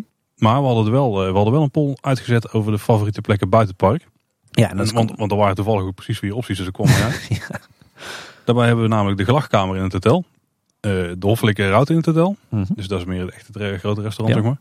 het eethuis in Bosrijk en de proeftuin op het Langse Land. Voorlopig de enige vier ja. locaties buiten de Efteling. In ieder geval voor uh, niet personeel. Want ik denk dat ze op de Rabobank ook nog wel, uh, het oude Rabobankpand misschien ook nog wel een kantinetje hebben. Nou ja, nee, ja, dat weet ik niet. Maar uh, je vergeet dan nog wel het restaurant van het golfpark. Oeh, dat is een goeie. Ik ben de naam even kwijt, maar daar heb ik dan wel weer ooit gegeten. Om een vrijgezellenfeest te benen. iets met een bal zijn. De Bami-bal of zo? Nee, dat is de swing? De, de, nee, ik weet het niet. Dat is wel een goeie, maar daar hebben we ook geen klachten over gehad. En wel veel stemmen hierop. Dus. Ja, maar die, de, de uitslag gaan we nog even uh, onder ons. Ja? ja? Iedereen had hem al kunnen opzoeken. Ja, precies. Want ja, eigenlijk de reden dat hij op de lijst uh, stond is uh, omdat ik zelf heel erg worstelde bij het maken van mijn top 3's. wat te doen nou met de restaurants in de verblijfaccommodaties. Ik denk dat heel veel van onze luisteraars daar, daar zelden of nooit zullen komen. Maar omdat wij natuurlijk in Kaatsheuvel wonen en lang niet altijd in het weekend naar de Efteling zelf willen belanden wij nogal eens geregeld in de verblijfsaccommodaties van de Efteling. Uh, na wandeling of tijdens een fietstocht of gewoon als doel op zich. Dus ik zelf ben uh, ook aardig wat keren per jaar te vinden in de, de, de horeca van de verblijfsaccommodaties. En vandaar mochten die wat mij betreft ook niet uh, ontbreken in het lijstje. Want daar zitten zeker ook een paar toppers tussen. Hey, ik heb hier wat minder keus. Want ik ben eigenlijk maar in twee van de vier geweest. Ik heb nog nooit in het hotel iets gegeten of gedronken. Oké. Okay. Okay. Dus uh, er moet, er moet ook maar eens komen binnenkort. Dus, oeh, 12 voor Ravelijn en niks in het hotel.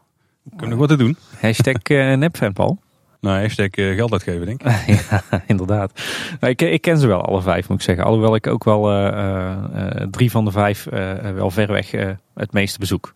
Ja. Zal ik dan mijn top drietje doen? Ja, dat is in dit geval interessanter, denk ik. Ja. Bij mij op drie. Het eethuis, Bosrijk. Mm -hmm. Erg leuke plek om, om wat te eten. Uh, met name veel lunchervaring daar of, of gewoon eens wat drinken. Uh, in de zomer zit je daar heerlijk op het terras onder de bomen. Met mooi, uh, mooi uitzicht op Bosrijk. mooie serre hebben ze er ook. Mooie serre, heerlijk relaxed sfeertje. Je, je zit daar toch in een soort van Efteling sfeer, maar wel heel ingetogen. Ook een prima kaart. En, en uh, met nou, beperkte keuze, maar wel prima gerechtjes. Mm -hmm. uh, en, en zeker winters zit je echt heerlijk binnen. Dan is dat zo heel erg knus met, uh, met al dat donkere hout en die, die, die, lampjes en zo. En dan kan je daar heerlijk even opwarmen met een bakje koffie of warme chocomel. En, ja, is wel eten. Dat, dat de plek een beetje beperkt is. Nou, als je daar, dat, ik durf even niet te zeggen rond etenstijd, maar als je daar gewoon overdag aanlandt, dan is er niks, niks te beleven. Overdag uiteraard, uiteraard dan is er niet zoveel te doen, maar als je rond ja, etenstijd s'avonds zeg maar, komt, vanaf vijf uur, dan is het al echt heel druk, heel snel ook. Nou, ik heb er toch ook wel een aantal keer met vrienden s'avonds gegeten en dan is het ook wel een hele leuke plek. Ja, zeker hoor, want bij mij staat die op één namelijk. Ah, oké. Alleen de ervaring daar was wel dat het heel moeilijk was om een plekje te krijgen de keren dat wij er zijn geweest. Oké, oké.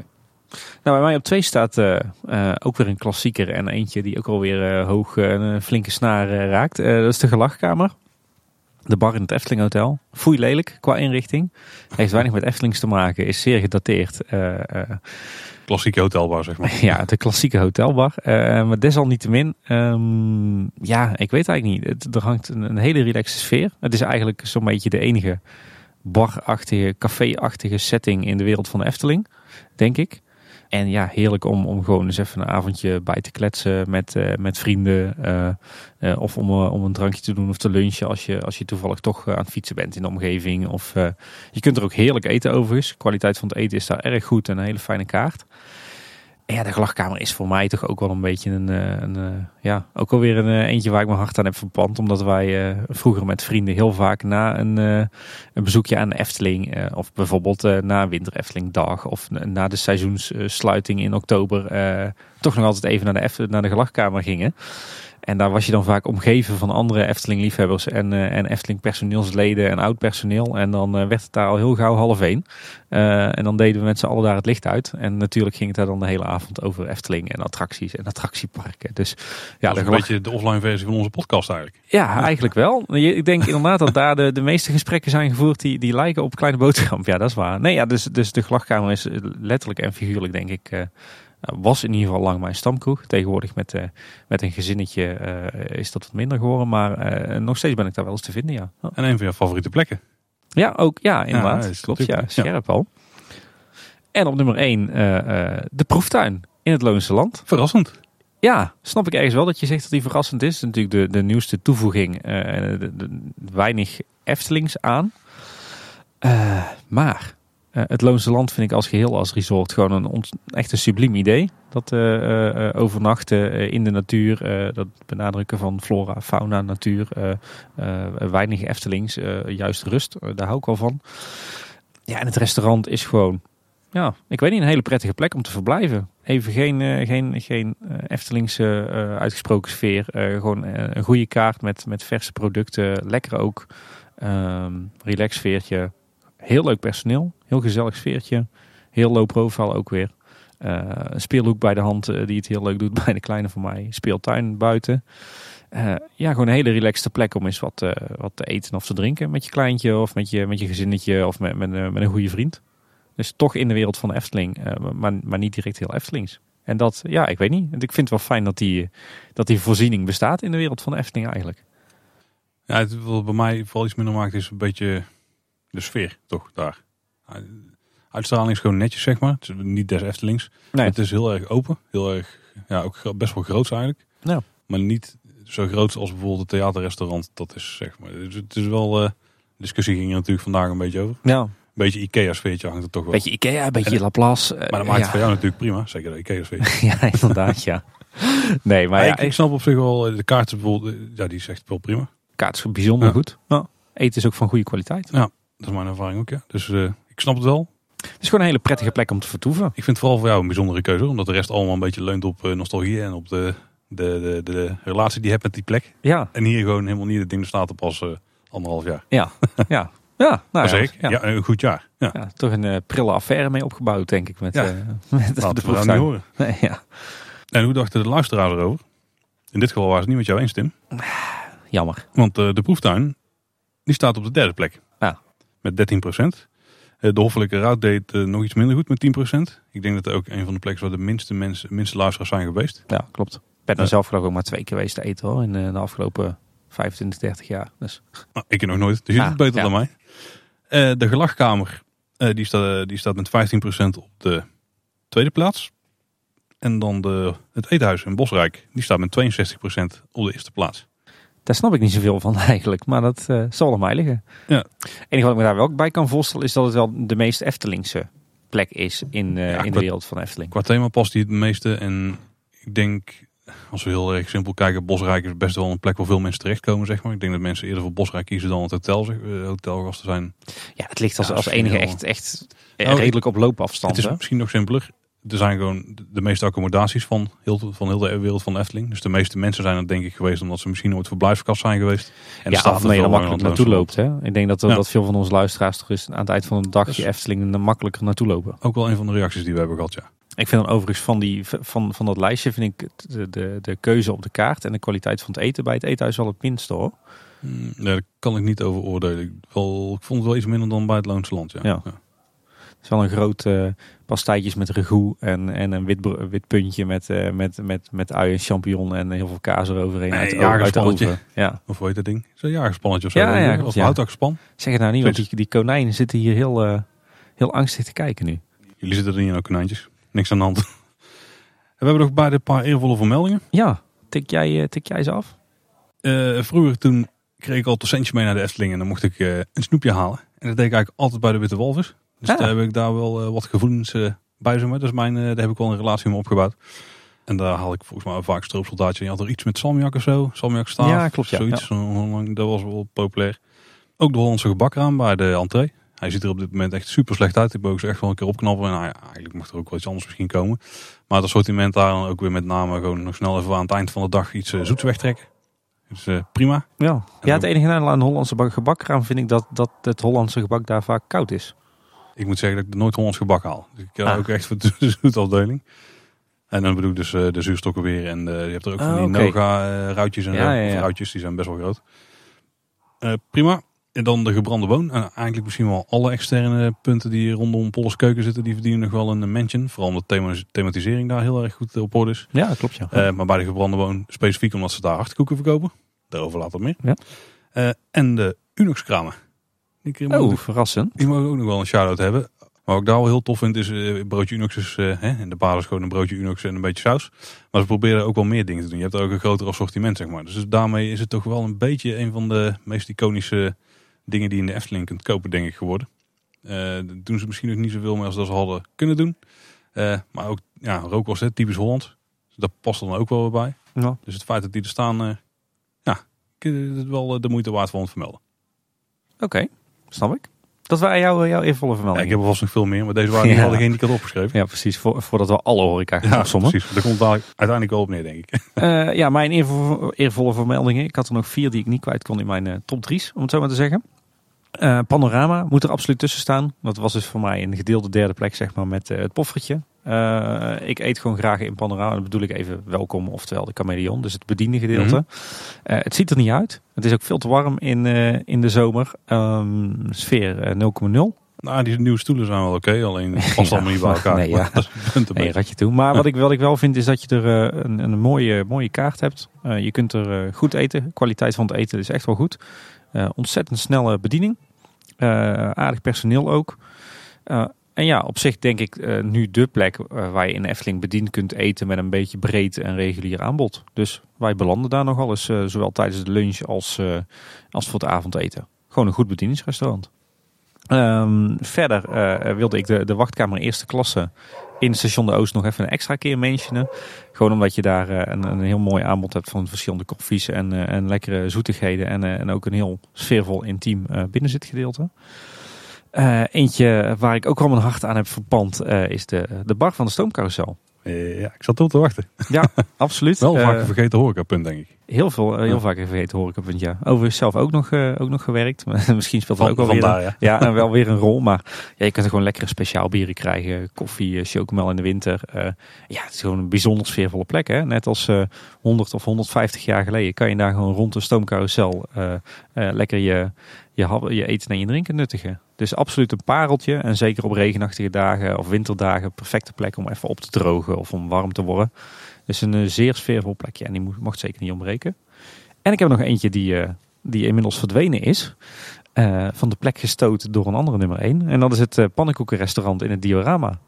Wat daar een aantal winter Eftelingen of winter Eftelings eh, heeft, eh, is geweest. Dat werd eh, dan tijdelijk opgebouwd in, eh, rond het diorama. Er werd nog even gedacht dat het diorama zelf dan wel zou sneuvelen op termijn voor zo'n pannenkoekenrestaurant. Nou ja, uiteindelijk is daar Pols Keuken uit voortgekomen. Toch een betere keus. Ja, maar dit was toch wel een heel sfeervol geheel. Zo rond dat diorama eten. Eh kwaliteit van de pannenkoeken was niet ieder seizoen even goed. Soms kwamen ze uit de magnetron of de steamer. En anders, een ander jaar werden ze weer vers gebakken. Maar daar met heel veel plezier ook een aantal, aantal winters een paar keer goed gegeten. Prima uitzicht ook, hè. En Ja, absoluut. Tof sfeertje. En eh, ja, hebben we dan ook nog favoriete food items, of hoe moeten we het noemen? jouw, Favoriete jouw signature snacks, eh, zoals je dan altijd, altijd zo mooi Ja, zegt. die misschien niet. Moeten we daar nog even los eh, checken. Maar dat is vooral hoe ze er in Disney over praten, hè. De signature Ja, snacks. dat is waar. Dat is waar. En die vraag hebben we ook wel gesteld aan onze luisteraars, maar daar kunnen we daar ook wel even op inspelen. Ja, ehm, ja. heb jij ze dan, Paul? Ja, favorieten? Nou, ik heb wel een paar favorieten. Ja, ik, als we het dan toch over signature snacks hebben. De hartekoek is wel echt, eh, denk ik, de meest signature snack die er op dit moment is. Echt iets gemaakt specifiek voor de Efteling. Ja. Dan kun je dus kopen bij de gebrande boon. Dus het eh, eerste horecapuntje wat je tegenkomt. eh, wat aan Polles Keuken was het eigenlijk als je de productpromenade oploopt. Mhm. Of afloopt richting Symbolica. Ja, koek in de vorm van een hart. Past perfect bij Harthof. Eh, ik heb al eerder gezegd dat ze die best wel iets meer mogen uitdragen dat die er Ja, is. ja. Het smaakt, het is gewoon eigenlijk gewoon een groot bitterkoekje. Maar heel smaakvol. Je krijgt best wel veel koek ook voor je geld, zeg maar. Dus eh je begint te lachen. Ja, koek voor je geld, ja. dat is een nieuwe uitdrukking. Ken je Ja. die nog niet? Nee, nee. Dikke van Naal 2019. Komt heel goed. Dat is denk ik wel eh, de meest die er het meest uitspringt. Ehm, dan ja, het broodje deuner. Wat je kunt halen in de Efteling. Best wel prima. Voor, Oké, heel nooit gegeten. als we met een grote groep gaan, is de Oost vaak een plek waar dan landen met, de ja, voor, met de lunch. Dus, want dan kan iedereen eh, verschillende dingen pakken en dan een broodje deuner gaat dan altijd heel goed in. Dus ja, Lekker gezond, Paul. ja zeker. Altijd hè. Eh, heel de zoete inval, die is ook prima. Maar daar slaan we snel over. Ik vind die hamburgers van de Burger Bakery vind ik meestal goed. Niet Is altijd. het nou bakery of bakkerij? Nee, bakery is het. Het is Oh. Engelaans. Ah. Echt waar? Nee, ja, jij zegt het. Ja, ik haal, haal wel eens een burger, ook buiten. Ah. Ehm, een coronetje op zijn tijd. Hè, dat Mexicaans bier. Er zit echt totaal geen smaak aan. Maar als het heet is, dan eh, drink ik altijd heel eh, prettig weg. Ja, klopt. Ja, mee eens. Hè? Mooi. Ja, ben ik je eens. Ehm, bij Panorama dus de gyros, net al genoemd. Eh, bij de suikerbuik, dus waar je de ijssalon zeg maar. Daar heb je ook heerlijk marshmallow ijs. Oh, dat heb ik echt nog nooit Ja, geprobeerd. Echt een hele, heel, heel prima ijsje. Ehm, en wat ze sinds volgens mij een jaar of sinds laatste winter Efteling zelf, de shortcakes. Dus die ontzettend calorierijke, Ja, nou, Ja. ja. ik begin te watertanden. geconcentreerde ja, wat is het? taartjes, cakejes, punt zeg, zeg maar. Ja, Met plak, hoop, een, ja, met een berg karamel en eh, ja, een koekbodem en dan veel chocolade. Heel smakelijk. Eh, echt wel een favorietje. Die, die kopen we meer dan dat ons lief is. Want Ja. tegenwoordig liggen ze ook bij het Witte Paard bijvoorbeeld. Klopt, ja. ja. En bij de wachtkamer is de klasse kun je Ja, ze ook precies, krijgen. bij de kleine, kleine. En een mooie stolp. Eh zuurstok uiteraard. En, en ik heb nog een licht onderzoek zitten doen, Tim. Oh, Eh, ja, ik, dit is verder niet een van mijn favoriete items of zo. Maar de Efteling die heeft er iets mee om eh, kindermenu's te verpakken in een of andere kartonconstructie. Ja. En dan hebben ze in de loop der jaren hebben ze daar eh, best wel veel variaties op gehad. Zo heb je onder andere de magische Pardoes formulebox gehad. ja. Het paddeltje kindermenu, wat een heel mooie constructie was. Nou ja, mooi. Dus subjectief. Ja. Met waar een paar losse bakjes stonden onder een paddenstoel, zeg maar. Onder paddeltje dan dus. Eh, het, wonderlijke kijkdoosmenu, het wonderlijke kijkdoosmenu. Je kunt je overal iets bij voorstellen. Ja. De, even kijken, het sprookjesboom smul cadeau. Kijken in de keuken. Wat letterlijk gewoon een doos met een gat was waar je dan je snacks in kon zien liggen. Mooi. Eh, het Gijs smulfestijn. Eh, Bits and Bites. Ja. Kun je je herinneren? Ik, ik moet zeggen, ik, jij, jij noemt ze op. En dit is onvoorbereid, want ik, ik had Ja, deze ja, lijst niet gezien. Maar ik heb ze, tot nu toe heb ik al deze kindermenu's ook hier boven op zolder in mijn verzameling zitten. Bits and Bites was wel interessant. Klinkt dat heel sneu of niet? Eh, daar laat ik aan de luisteraars over. Bits and Bytes eh, was een hele interessante, want ik kreeg je een cd bij met een spelletje en een screensaver erop. Ja. Ik heb gewoon 3000 van die dingen, want iedereen gaf ze weg. En tegenwoordig heb je het symbolische kindermenu. Maar er was er één en die sprong er echt eh, met, ja, die sprong er gewoon bovenuit. Dat is echt de meest opzienbarende die ze hadden. Qua namen, uitvoer, Vertel, concept. En dat was de volle bak. De volle bak. De volle bak, zoals wij het die zouden zeggen. Wat een, een soort Cadillac-vormige Oh. doos was. Oh, die kon je bij de ja, Likkerbaard ja, ja, kopen. het, het frietje valt. Ja, met eh, in midden volgens mij eh frikandel die dan een beetje zo in de, in de cabrio eh, compartiment ding lag. En aan de buitenkant de twee, ja, twee ronde bekers met drinken en frietjes. De, naam volle bak. Het is een volle bak, maar ik vind het echt geniaal. Ja, nou, het was ook geniaal. Want ik heb, toevallig heb ik, die, heb ik hierboven ook nog een exemplaar van de volle bak liggen. Zit ik me net te bedenken. Maar dat, eh, dat kwam voort uit een, eh, uit een jaarthema. Volgens mij begin jaren 90. Toen was het thema eh 50s. En toen stond er ook bij, dat heette toen de Chameleon. Dus zeg maar wat nu wel, oh nee, het is geen welkom meer, maar het panorama Mhm. bediend. Of à la carte. Daar stond een, een grote paal buiten en daar bovenop stond een grote roze Cadillac. Op een metertje of tien hoog. Een echte. En dus... eh, Typisch eh, Eftelingse. ja, niet echt hè. Dan klagen wij tegenwoordig wel eens wat. Nee, maar dat was dus het jaarthema. Toen ergens in het begin van de jaren negentig. Ik geloof dat er ook in het Zomertheater toen een bijpassende show was. Eh Up With People heette die geloof ik. Zit ik nu ineens te bedenken. Jezus, het komt allemaal terug. Ja, ja, Maar, maar inderdaad, en die, die volle bak, daar was daar weer een uitvloeisel van. geniaal. Dan hebben we het echt over, echt over ja, wat zal dat zijn? 91, 92, 93? Een beetje die regionen zo. Het enige wat ik jammer vind is dat ze niet volle bak hadden genoemd. Met een extra N. Ja, precies. Daar heeft het Brabantse erin. Ja. En jij Tim? Ja, ik heb ook wel wat favoriete eh, snacks en, eh, en eten en drinken. Eh, ja, met stip op nummer 1 staat bij mij toch wel eh, de kleffe Bami schijf. Kan- En dan, en dan liefst eentje van de, van de smulpaap natuurlijk. En dan eentje die ja. dan, eh, dan ergens onder in de snackmuur ligt en dan eh, al een beetje een half uur ligt te sudderen. Weet je wel, dat je zo'n soort van gecomprimeerde, zompige schijf hebt met allerlei smaken door elkaar. En dan dat hebt zo lekker klef weg. Dus die eh schijf eh, en in, in zekere zin ook de kleffe kroket. Dat is een, eh, een culinaire verwennerij die ik al, eh, al bijna 30 jaar met veel plezier nuttig in de Efteling. Ik moet zeggen dat we wel wisselend succes hebben gehad met de Bami schijven. Nou, dat is Maar mij een klassieker. Ja, helemaal goed, helemaal goed. Eh, verder heb ik warme herinneringen aan, eh, aan eh, diverse softijscreaties. Als ik het goed zeg, was er een koep Oase. Die werd natuurlijk bij de Oase verkocht. Een koep Nostalgie bij de Horendes Overvloed. En een koep Horror bij de Witte Walvis. Die zijn een aantal jaar verkocht. Met name in de 7 zomer geloof ik. En ik, ja, ik was echt gewoon verliefd op die dingen. En ik geloof dat er geen zomeravond voorbij ging dat ik niet één of twee van die koeps op had. Dus ik baal er ook verschrikkelijk van dat die eh, zijn verdwenen. Maar goed, die waren veel te bewerkelijk. Kostten te veel tijd, kostten te veel afschrijvingen. En tegenwoordig hebben we natuurlijk de Swirl, wat ook wel een eh, favorietje is. Maar ik moet Mhm. zeggen, dat kan echt niet op tegen een, eh, een goede koep oase of nostalgie of horror. Verder, groot fan van de poffertjes dan Blanche.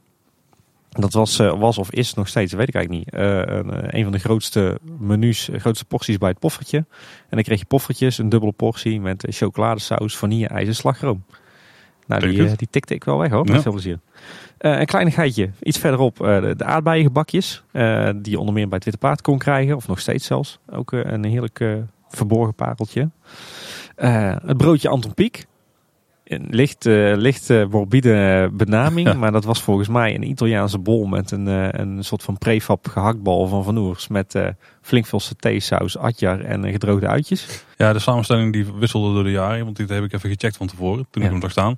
In het begin zat er ook taugé op. En dat is Ja, later ja. atjar geworden. En toen is die atjar zelfs helemaal vervallen. Toen zijn het alleen was gewoon satésaus met uitjes. Voor frituurde uitjes. En de, ja, hoe de gehaktballen werden geserveerd was ook veranderd. En het broodje is ook nog veranderd Oké, nou, de, de zojuist Ja. benoemde combi, dat was mijn favoriet. Oké, helemaal goed. Een guilty pleasure, met name op zomeravonden. Nu dus nog steeds eh, een variatie om op te halen. Ja, Of van ja, te halen bij. maar het is geen broodje Anton Pieck meer, nee, geloof ik. hè? nee, nee, nee, zeker niet. Eh, waar ik ook warme herinneringen aan heb, is de echte soep in het Witte Paard. Waarom, eh, Ja, precies. Ja. En het leuke was, dat was alleen te verkrijgen in het Witte Paard, zeg maar in de, de oude opzet, dus nog voor 2001. Eh, maar die was alleen in oktober te verkrijgen. Dus zodra het dan oktober werd, dan ging ik met mijn opa eh, natuurlijk op dinsdagmiddag naar de Efteling. En dan sloten wij de dag af met een, eh, een grote kop erwtensoep met, eh met roggebrood met spek. In het Witte Paard. En dat kon echt alleen in oktober. Dus dat is ook een warme herinnering voor mij. Andere warme herinnering, het broodje hamburger. Bij de burgerbakkerij hebben ze inderdaad hele lekkere. Maar mijn favoriet is toch wel nog steeds de, de hamburger zoals je die kon krijgen bij de, de hamburgerkar naast de Marskramer. Waar nu dat, zeg maar de kiosk van de Sprookjesbrokkelaar staat. Eh, die, eh, ja, dat was gewoon een heel basic burger. Gewoon een burgerbroodje met een, eh, met een goede hamburger, ijsbergsla, mayo, ketchup, eh gedroogde uitjes. eh, en dan was het wel. Lekker, eh, lekker vatzig, lekker vettig. eh, echt een ideaal broodje hamburger. Typisch pretpark eten. Ja, precies. Heerlijk om dat op een zomeravond weg te tikken. En dan liefst zo nog rond middernacht. Eh, weer zoiets is eh, het broodje Boom Boom Bali. Ja. De, de, de pittige kipreepjes, zeg maar. Heerlijk eh, bij eh, de Toko Pagode heb je die een hele lange tijd gehad. Met, met zoetzure saus. En dan in het personeelsrestaurant is dat lange tijd een, eh, van vele medewerkers een grote favoriet geweest. Eh, ja, hollebollebel hoort er bij mij ook echt op. Lekkere grote zak eh, zoute friet met mayo of, eh of satésaus inderdaad. Ehm, de milkshakes, Mhm. die vind je tegenwoordig volgens mij nergens meer in de Efteling. Eh, in ieder geval niet, Oeh. niet de klassiekers. Maar Nee. eh, eh, vroeger, zo begin jaren negentig, dan, dan kon je bij ongeveer ieder kraampje een broodje hotdog krijgen en een, en een milkshake in chemisch banaan of chemische aardbei. Ik weet bijvoorbeeld nog bij de Oase had je die, die had je bij de Likkerbaard, die had je bij de Gulden Gade. Dat was ook echt als kind wel een guilty pleasure voor mij. Een andere guilty pleasure was de Laafse limoen. Die werd een tijdje bij het Lurk en Limoenhuis verkocht in het Lavelaar toen hij nog dagelijks open was. Dat is later eh, uitgevloeid in, eh, in de, de wereldwijde introductie van Fanta Lemon, als we de verhalen mogen, mogen geloven. En ik ben nog steeds een eh, groot fan van eh, Fanta Lemon, en Bitter Lemon en dat soort dranken. Maar de Laafse limoen was zeker een favoriet van mij. Daarover gesproken ook Sneeuwwitje. De witte chocolademelk, zoals die bij een aantal jaren in de winter is verkocht bij de Horen des Overvloeds. Ja. Ik heb hem zelf ook een aantal jaren dus mogen, mogen koken. Oh, De- oké. de- met grote plakkaten witte chocola en melk en dan een beetje bastardsuiker en dan maar op zo'n petroleumstelletje stoken. Daar eh, ging ik ook heel lekker op, ondanks dat hij eh, ook behoorlijk vatzig was. En uh, last but not least uh, de seizoenspannenkoeken bij Polles Keuken. Dat is uh, 9 van de 10 keer, zowel zoet of hartig, vind ik een ja, absolute spijker op zijn kop. Ik bedenk me dat ik misschien nog één vermelding heb die, of één item wat ik niet onvermeld mag laten. En dat is? Dat is Cherry Coke. Ah, dat is helemaal geen typisch Eftelings drankje of zo, maar ik ben heel blij dat ze die in het assortiment hebben op heel veel plekken. Nou, ik moet zeggen, terwijl dat ik zo zit te denken, komen er meer, steeds meer uh, vormen van eten en drinken naar boven drijven bij mij. Dat ik denk, oh, dat is lekker. En, dat is nou ook wel echt honger te krijgen. Eigenlijk. Ja, precies. Dus eigenlijk heeft de Efteling best wel veel goede signature snacks gehad, als je ze zo mag noemen. Ja, misschien niet allemaal signature.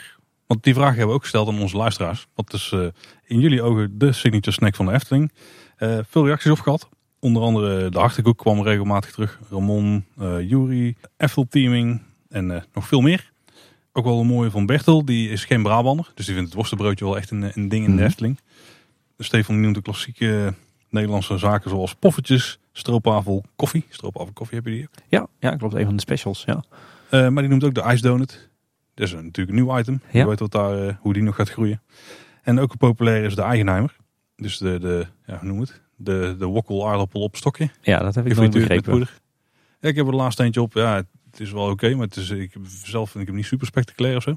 Nou ja, heel veel mensen gaan er, eh, gaan er lekker op geloof ik. Maar ik vind het vooral een, eh, nou, hele vette... Een zakje chips is ook prima denk ik. Ja. Uh, de Unox broodjes worden ook nog flink genoemd. Onder andere dollars. Er zijn ook wel wat mensen die vinden dat er helemaal geen signature snacks zijn in de Efteling. En dat is wel op zich een dingetje. Want ik denk dat ze dus wel echt zijn. Zeker de achterkoek is gewoon echt eentje... Ja, het is gewoon een typische signature snack, maar ze doen er gewoon niks mee. Dus het feit dat mensen het niet weten, betekent dat de Efteling het gewoon meer moet laten weten dat het er is. Ja, of denk bijvoorbeeld aan een trolle, trollenbol. Hè. Ik bedoel, die is er al sinds 1992. Ja, die is dus sinds de verbouwing is hij er dus niet meer. Ja, dus nou ja, die is al. Maar ja. dat is denk ik ook een heel goed voorbeeld van, uh, van de signature snack. Ja, de ijsdonut zelf wordt nog wel een paar keer genoemd, onder andere door Job en Marcel. Ja, daar heb ik zo mijn eigen gedachten over. Maar we hebben ook een medestander voor jou.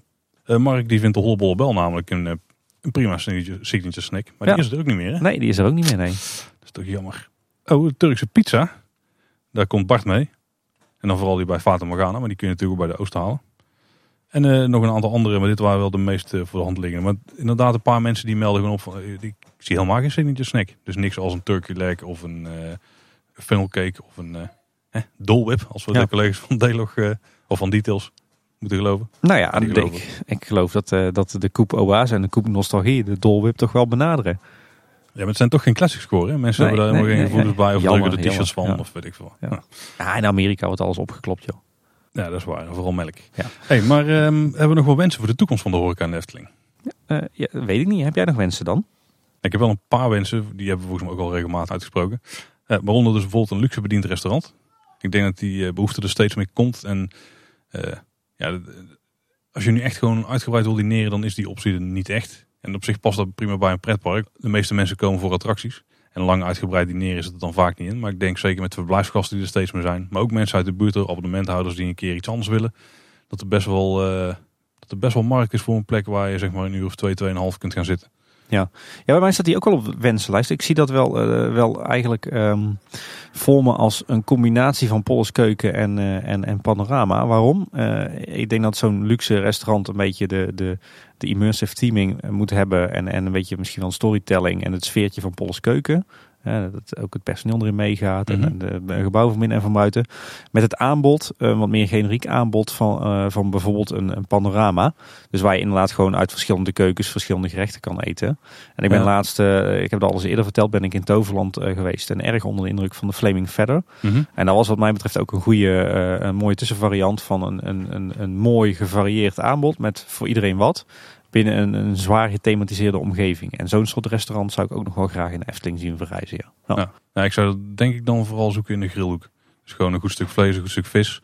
Uh, misschien ook uh, wat groente of wat vegetarische gerechten, zeg maar. En dan, uh, ja, dan mag het best wel iets meer kosten. Maar dat het gewoon wel echt iets is, zeg maar. Echt wat, wat, wat meer high-end. Ja, ja, ik moet zeggen dat ik de, de kaarten van, van Panorama à la carte en, en, en ook bijvoorbeeld de proeftuin, uh, dat ik die al van niveau vind dat ik denk van nou, dat zou wel in zo'n luxe restaurant kunnen. Nou, misschien moet ik het dan zo omschrijven dat het eh, een restaurant is waarbij je echt het gevoel hebt dat het eten wat bereid is alleen maar door een chefkok bereid had kunnen worden.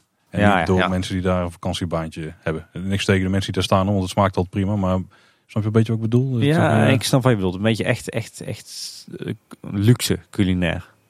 Ja, sterren Ja, materiaal. bijna. Ja. ik denk zelf dat dat te veel eh, van het goede is hoor. Ik zie meer in een soort Flaming Feather concept, maar eh, daar kunnen we wellicht van mening over verschillen. Ja, het, het is, het is, echt, ik zie echt een sterrentent voor me trouwens. Hoor. Maar gewoon wel echt een stapje boven de, nog boven panorama. Ja, oké. Ehm, een Aziatisch restaurant, dat mis ik wel echt.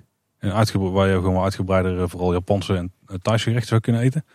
Maar dat is gewoon meer helemaal omdat het mijn smaak is. ik weet niet wat de behoefte daarin is. Je hebt al ooit de Chinese buffet variant gehad volgens mij in het theaterrestaurant. Mhm. Of was dat zelfs in de... Was het een theaterrestaurant?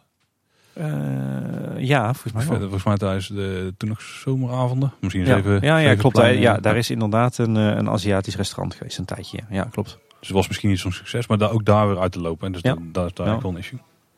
En eh, ik zie ook wel, wat we ook wel meer mogen doen, is meer themasnacks toevoegen aan het assortiment. Dus zoals de achterkoek, is daar een goed voorbeeld van. Maar ook, De trollebol. ja, het is dan een jammerlijk voorbeeld ervan. maar ook bij Fata Morgana zou je misschien iets meer typisch Fata Morgana dingen kunnen doen. Die misschien ook weer terugkomen in de attractie, dat daar iemand die staat te verkopen of zo. Ik weet wel een, eh, de, een goede Eftelingse variant van de turkey leg. Ik ben heel benieuwd nou. De bokkenpoot. Ja, en dan een kraampje voor Vula Volta. Ja, ja, precies. Ja, ja. Hey. hey, dat doe je. je. Je noemde ze net al even, de hotdogs. Die Ja. zijn er nu niet meer in het park. Nee, volgens mij helemaal nee. nergens. Maar ik heb ooit gehoord, volgens mij is dat bij Cedar Point eh, in de Verenigde Staten. Daar heb je dus een hotdog restaurant met gewoon 40 verschillende soorten hotdogs of zo. En zoiets zie ik ook nog wel voor de Efteling. Dus het is eh, een, een soort fastfoodketen, waar eigenlijk een beetje de, hoe moet ik het noemen? De, de, de Subway, maar dan voor hotdogs. Hm, Zoiets eh, zie ik ook nog wel als, eh, als een mogelijkheid. interessant. Gewoon een, een snack die je dan zelf interessant kunt maken. Of dat er gewoon verschillende keuzes al voor je gemaakt zijn, zeg maar. Gewoon eigenlijk wat ik misschien dat het een broodje Unox zich daar wel beter voor leent. Maar dan iets eh groter opgezet Ja. dan alleen een klein kraampje. Ik snap hem. Nou, dat was hij op zich wel. Oké. Nou ja, mijn mensen die hebben voor een, gedeelte zijn, zijn de revue ook wel eens gepasseerd. Hè. Eh, ik vind dat, eh dat Kogeloog wat mij betreft zo snel mogelijk weer open kan. Gezien de, drukte daar en eh, de behoefte aan eh, extra horeca in het Sprookjesbos.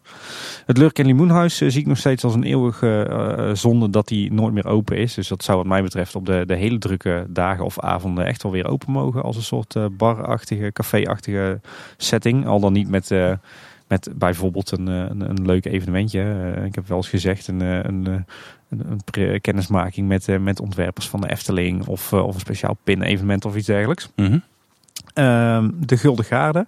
Die mag van mij qua inrichting en qua, qua aanbod wel wat meer terug naar, de, naar, naar de, zeg maar de oude variant die het ooit was. Want ik denk dat de, de, huidige opzet en inrichting niet echt werkt. Ik vind dat geen vooruitgang. Nee, ik denk dat dat locatie wel echt een ding is. Hoor. Ja.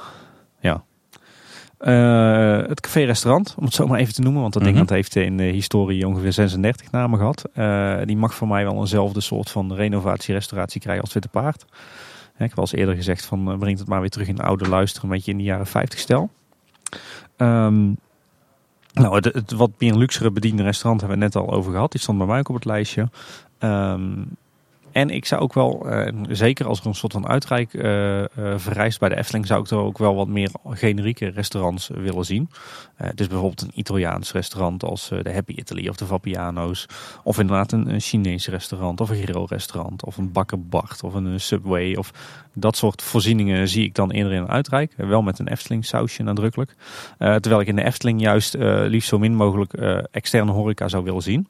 En ook als ik dan kijk wat er nu af en toe op de, de, de, de zeven of de negen pleinenfestijn en de zeven mijlzomer verschijnt aan externe horeca in het park, zou ik dat op termijn dan toch ook wel weer liever als interne eh, voorziening zie, zien. Zoals er nu ook eigenlijk is gebeurd voor de Oost, waar, waar voorheen een één of twee jaar een, een externe exploitant eh, iets met de burgers deed en waar nu gewoon een, eh, een Efteling horecakraampje staat.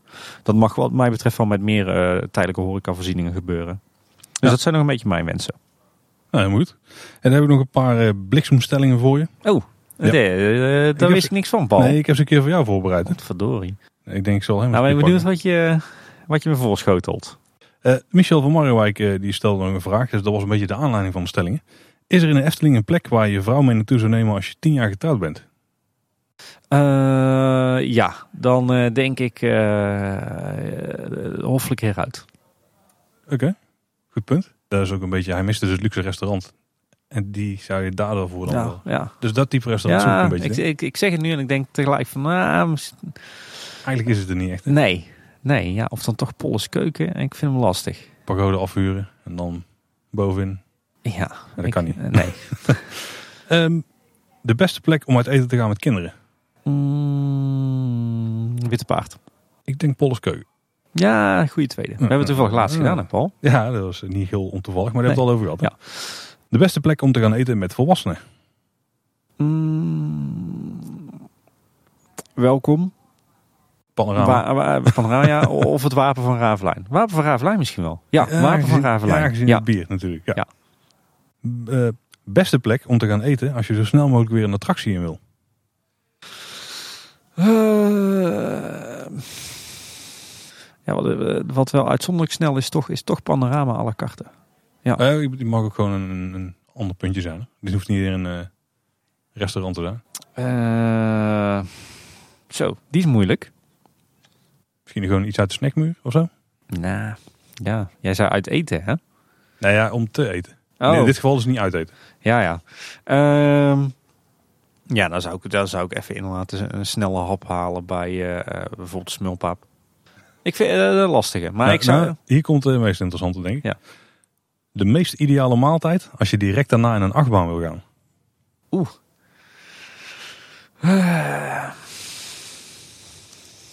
Ja, dat is een goeie. Broodje bal? Oké, ja, daar kan ik, iets, kan ik iets mee. En een dagje Efteling is pas perfect als ik het volgende heb gegeten. Seizoenspannenkoek bij Polskeuken. Bam. Nou, dat was u weer voor deze week, dames en heren. En, ja, eh, we, zijn, eh, we hebben er een eind aan eh, Ja, gebreid, gebalken bereid. Heb je zelfs nog favoriete etenswaren die je graag aan ons wil melden? Misschien met een mooi verhaal erbij, die we Ja. in een toekomstige uitzending kunnen oplezen. Eh, liefst, liefst geen voedselvergiftiging dan, hè? Nee, nou ja, het mag. Als het interessante verhalen zijn, dan delen we ze graag. Of, of heb je een, eh, ook een favoriete plek eh, in de Efteling om te eten of te drinken? Dan horen Ja. we dat ook graag. Wat kun je het beste eten voordat je een achtbaan instapt? Ben ik ook heel benieuwd naar wat jullie daarvan vinden. Ja, inderdaad. Dan horen we dat graag. Dus die opmerking kun je achterlaten via onze social media accounts. Dus op Twitter zijn we @kboodschap en op Instagram zijn we Kleine Boodschap. Ja, en je kan natuurlijk ook een eh, wat uitgebreide reactie insturen via het contactformulier eh, wat je vindt op kleineboodschap.com. Yes, dat was u weer. Tot de volgende keer. Ja, Paul, ik heb er honger van gekregen. Ik ook. Zullen we maar eens eh, even schaften? Ja, daar de koelkast te vinden Ja, precies. Ja. Hey, eet smakelijk. Yes, houdoe. Houdoe.